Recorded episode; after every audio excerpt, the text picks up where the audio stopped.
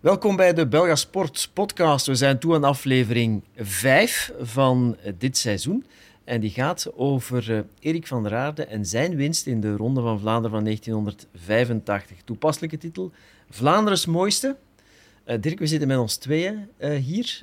leg uit waarom we maar met z'n tweeën zitten. Jij zit er meestal bij om te praten over afleveringen die anderen hebben gemaakt, want je begeleidt die ook allemaal. Maar deze die komt helemaal op jouw schouders terecht. Hè? Ja, deze heb ik zelf gemaakt en mijn regisseur is nogal cameraschuw. Hij staat graag achter de camera en ik kom niet graag in beeld. Dus heeft mij alleen gestuurd. Die bestaan ook, hè, dat soort uh, Ja, absoluut, absoluut. Vertel mij, waarom Erik van der Aarde de ronde van 1985? Um, voor mij persoonlijk is het een van mijn allervroegste herinneringen aan sport. Ik weet nog waar ik was, waar ik zat toen ik als vijfjarige naar de Ronde van Vlaanderen aan het kijken was. Waar zat je? Bij mijn grootvader. Ja. Uh, naast hem in de zetel. Uh, mijn grootvader heeft mij eigenlijk de liefde voor de koers meegegeven. En wij keken elk jaar, was, ja, zoals bij veel Vlaamse gezinnen, is een Vlaamse hoogdag, Ronde van Vlaanderen. Heel de familie naar de koers aan het kijken is.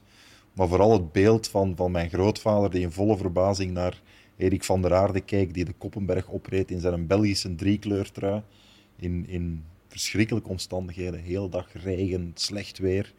Uh, die ronde van 85 is een paar jaar geleden ook verkozen tot meest heroïsche ronde uh, aller tijden. Dus dat triggerde ergens wel. Om dat, Vandaar ook de, de titel van de aflevering, ja. Vlaanderens mooiste. Ja. Goed, dat is sowieso de, de naam van de Ronde van Vlaanderen, maar die is dan de aller, allermooiste. Ja, absoluut. En het slaat ergens ook nog wel op Erik van der Aarde, die jonge blonde god die daar ineens, uh, bij van spreken een jaar voordien of twee jaar daarvoor, eigenlijk aan de oppervlakte kwam, meteen veelwinnaar was. Um, je, mag, je mag niet vergeten dat in die periode eigenlijk, we hebben de grote periode van het wielrennen dan achter ons gelaten. Hè. Merckx stopt, de Vlaming was er niet meer, Godefroot, die, die gouden generatie van de jaren 70 was weg.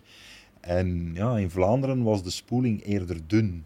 Mm -hmm. En mensen waren zo op zoek naar de nieuwe Merckx, de nieuwe de Vlaming. En ineens was daar een jonge gast uit, uit Heuse Zolder die als neoprof uh, de proloog in de ronde van Frankrijk won met de gele trui, rondreed. Uh, Parijs-Nice-etappes won, uh, die daar ineens stond. En zo'n beetje gebombardeerd werd. Hij kon het dan ook nog redelijk goed uitleggen. Tot de nieuwe Vlaamse god van het Ja, hij sprak ook frank en vrij ja, absoluut, ook, hè? absoluut. Ja. Had altijd een mening, kwam heel hard voor zichzelf op. Als, als heel jonge gast, hè, want hij was eigenlijk op dat moment 21 als hij in het profpeloton kwam. Ja. naar moderne standaarden hè, moet je dan al twee keer de Ronde van Frankrijk gewonnen hebben. Maar dat was toen heel jong, want toen mocht je eigenlijk pas prof worden op je 22. En Van der Aarden heeft toen eigenlijk een speciale uitzondering gekregen van de, van de Belgische Bond om toch al prof te kunnen worden in 1983 op, uh, op jonge leeftijd. Ja. Hoe oud was hij dan precies uh, in 85? Hij was 23 eigenlijk 23, toen hij ja. de ronde won. Dat is niet de jongste uh, winnaar aller tijden, maar hij staat zeker in de top 5 van jongste winnaars. Ja, waarom wilde je per se deze maken?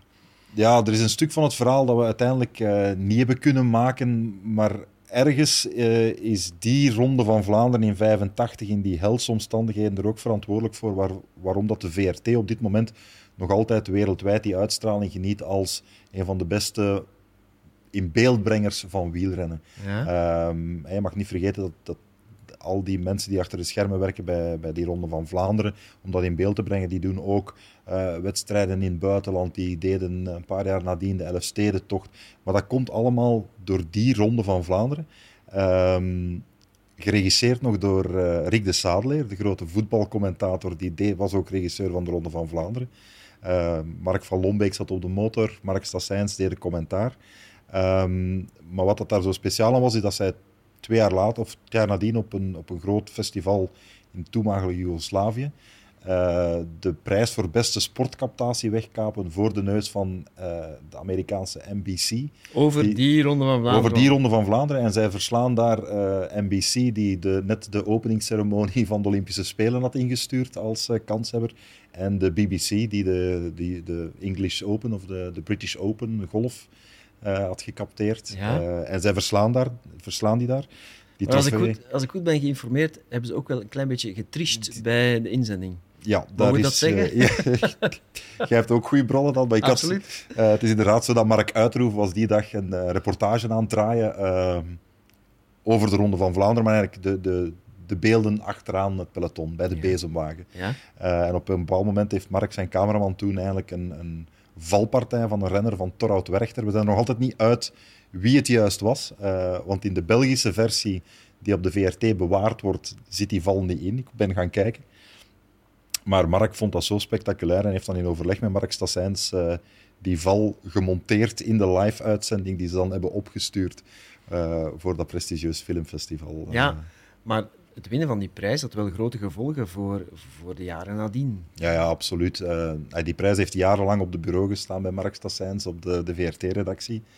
Uh, en heeft ervoor gezorgd dat zij ja, een soort van erkenning kregen in, in het capteren van wielerwedstrijden. Uh, een paar jaar later zijn al die motards en die cameramensen uitgestuurd naar de Elfstedentocht om daar de Elfstedentocht te gaan kamperen, capteren. Wat je zou denken dat eh, Nederlanders ja. zouden dat graag in eigen handen houden.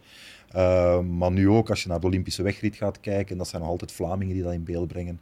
Heel veel buitenlandse wedstrijden zijn Vlaamse mensen op de motor, op de, aan de camera, die dat uh, in beeld brengen. En dat is eigenlijk allemaal terug te brengen tot die Ronde van Vlaanderen in ja. 1950. Maar vooral duidelijkheid, dat gedeelte, die registratie van de hele Ronde van Vlaanderen, dat, dat zit er niet, uh, niet in? Nee, ik ben op zoek gegaan naar, naar mensen die er toen actief bij waren, maar die zijn ondertussen ook op iets vergevorderde leeftijd. En zoals ik zeg, de, de meest prominente, eigenlijk de Sadler, is al, is al spijtig genoeg overleden.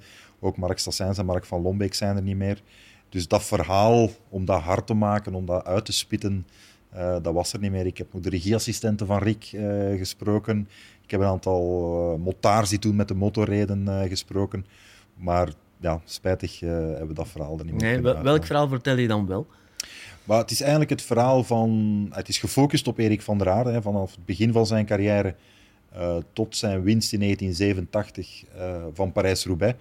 Eigenlijk op, op drie, vier jaar tijd verovert hij eigenlijk de wereldwereld. wint bijna alles wat er te winnen is voor een klassiek coureur. Um, maar wat dat veel mensen vergeten is dat Erik van der Aarde tot 1995 gekoerst heeft. Dat is nog een jaartje, half in 1996. En de hoogtepunten van die carrière die, die zaten helemaal in het begin. helemaal in het begin. Ja. En iemand die daar heel veel toe bijgedragen heeft, was Eddy Plankaart. Ja. Ze reden toen samen, hè, Erik met de broers Plankaart, Walter en Eddy, uh, reden voor het grote Panasonic van Peter Post daar begin jaren 80. Um, en eigenlijk heeft Eddy zich onbewust of bewust opgeofferd in functie van uh, Erik. Ja, waarom zeg je onbewust of bewust? Ja, hij is eigenlijk gepiep, eh, een beetje gepiepeld geweest door uh, Peter Post. Omdat, uh, gepiepeld? Dat, ja, ja allee, zo, zo, zegt, zo zegt Eddie het toch. Ja. Um, het feit was dat Erik van der Aan eigenlijk prof geworden is bij een klein Belgisch clubje, geleid door José de Kouwer. en een jaar later verhuisde hij naar Panasonic. En Post roept op een bepaald moment een, een, vergadering samen met Eddy en zegt daarop van ja, we moeten die Erik moeten die hier goed opvangen, we moeten die goed omringen, we moeten een beetje in dienst van hem rijden. Ah, heb jij daar problemen mee? Nee, zei Eddy, uh, ik heb daar geen problemen mee, we gaan wel dat doen. Maar het is pas achteraf dat Eddy zijn frank gevonden is dat hij eigenlijk nadien altijd op de tweede plaats kwam. Post ja. had het echt wel voor Blanca, uh, voor, uh, voor Van, van der Aarde. Ja. Goede tijdrijder, sprinter, op de baan. Hij was eigenlijk een ja, een beetje een figuur zoals Peter Post zelf was geweest als renner en ze graag had. Ja. Um, en het is pas eigenlijk op het moment dat Eddy bij Erik weggaat, dat hun twee wegen scheiden in 1988, dat uh, Eddy ook aan zijn grote klassieke zegens begint. Dus dan wint hij in 88 Ronde van Vlaanderen, groene trui, en twee jaar later Parijs-Roubaix. Dus die twee carrières kruisen elkaar een beetje. Eén in opgaande lijn, de andere in neergaande lijn. En eigenlijk ja, die vriendschap tussen die twee gasten die er zeker was, want ze gunden het elkaar. Maar ergens, ja, steekt het toch nog altijd ja, een beetje. Ja, mooie verhaallijn waarschijnlijk ook, uh, die, die vriendschap. Of samenwerking, collega's, hoe zit dat eigenlijk dan, uh, dan precies tussen uh, die twee? Ehm, ze hebben heel veel leut samengemaakt, maar echt heel veel leut. En het waren ook twee gasten. Het is, het is ook die periode voor wielrennen wetenschap werd. Als je nu kijkt hoe de renners nu in het peloton staan, ja, iemand als Wout van Aert, die hebben schema's en voedingsschema's en die gaan trainen. Op het moment dat ze van hun fiets stappen en hem thuis tegen de muur zetten, heeft hun een trainer al geüpload via Strava of een of ander tool. Die gasten, daar was geen controle op. En die braken af en toe eens uit. Ja. Ook tijdens een, een kleine ronde of tijdens een grote ronde. Er moest plezier gemaakt worden. Ja, maar vooral duidelijk, het gaat vooral over, over Erik van der Haarden. En zijn, zijn loopbaan die als een raket omhoog uh, schoot. Ja. En, en, en dan, ja, na, na die sensationele jaren in het begin, wat begon te kabbelen? Ja, eigenlijk wegdeemstert. Ehm, en dat is iets wat, dat, wat dat veel mensen vaak vergeten. En zeker, maar als je bij Belgasport begint te graven in verhalen, kom je dat vaker tegen. Talent is niet genoeg. Mhm. Er is veel meer nodig om dat talent te doen renderen. En ik denk dat dat ergens bij Erik het gevoel had... Hij had het allemaal bereikt. Hij had het allemaal gewonnen. Het was allemaal gepresteerd. Maar wat hij niet graag deed, was met de pers praten. De, de, de grote held zijn, de figuur. was ook de periode voor dat er uh, persmanagers waren of mensen die daarmee omgingen. Hij had toch ook iets arrogants op een of andere manier? Ja, hij had het gewoon niet voor de mensen van de pers. Hij had het Ah, niet ja. voor jongens zoals ons. Oké. Uh, maar je mag niet vergeten, hè, Erik van der Aarde won de Ronde van Vlaanderen, een van de meest heroïsche edities. En zondags morgens aan de ontbijttafel zaten acht journalisten die ja, had er eigenlijk een soort van impromptu persconferentie georganiseerd. Die mannen hadden allemaal een interview aangevraagd en dan zeiden van ja, kom gelle morgen vroeg een beetje taart eten. En dan, maar ja, er was niemand die hem afschermde. Zeker wielrenners waren op dat moment zo bereikbaar. En ik denk dat dat ergens wel een soort van declic gezorgd heeft bij, bij Erik, dat het op een bepaald moment op was. Ja, het is wel een grote naam uit de Belgische wielergeschiedenis. Waarom nu pas, in de, het elfde seizoen van Belgasport? Er zijn er grotere geweest. Nee, uh, je moet soms keuzes maken. En soms is er niet genoeg tijd over een verhaal heen gegaan. En nu heb ik wel het gevoel dat, dat die dingen uitgeklaard zijn, dat, dat er, er ligt genoeg stof op het onderwerp om uh, uiteindelijk ja, de, daar eens in te gaan graven. Um, komt er ook bij dat is inderdaad zo'n zo'n onderwerp dat al heel lang meegaat, dat op de lijst stond. Maar ja, moet er iets van komen om het te Ja. maken. En nu was er de gelegenheid om dat te Ja. doen. Erik van der Rade, Eddie Plankaart, uiteraard. Twee belangrijke figuren in deze Belgasport. Wie zijn de andere eh, belangrijke figuren? Uh, José de Kouwer mocht niet ontbreken, omdat José eigenlijk uh, de ontdekker is van Erik. Hij heeft hem bij die eerste ploeg gehad toen hij de proloog won in de Tour de France. Uh, eigenlijk hem begeleid heeft in zijn eerste stappen, een beetje per toeval bij hem in de ploeg gekomen. Maar José was nadien ook de ploegleider van Eddie Plankaart toen hij zijn grote klassieke zegens haalde. Dus in dat moment is hij heel goed ja, een kenner van het vak.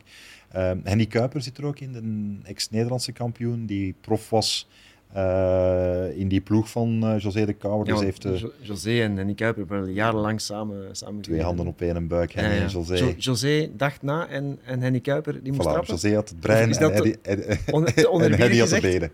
Ja, nee, nee, nee, nee. Dat, dat is de Ja. juiste analyse, absoluut. José maakte de plannen en, Henny voerde, en Henny voerde ze uit. Ehm, dus Henny zit daar ook, omdat hij ook in die ronde van Vlaanderen eigenlijk mee op kop reed. Tot op 15 kilometer van de streep leek het erop alsof dat Henny Kuiper de ronde van Vlaanderen zou gaan winnen. Ja, Uiteindelijk heeft Van der Aarde samen met zijn ploegmaat Phil Anderson hem bijgehaald. En op de muur van Gerardsbergen hebben ze, is Erik eigenlijk alleen weggereden van, Mhm. van zijn twee compagnons. Dus iemand die allee, van heel dichtbij die, die jonge kerel heeft zien in het peloton komen. Ehm, en nadien een paar keer serieuze duels met hem heeft, eh, heeft uitgevochten. ja. Eh, Walter Plankaart doet ook mee. Dat was eigenlijk de, de vergeten broer van de Plankaart.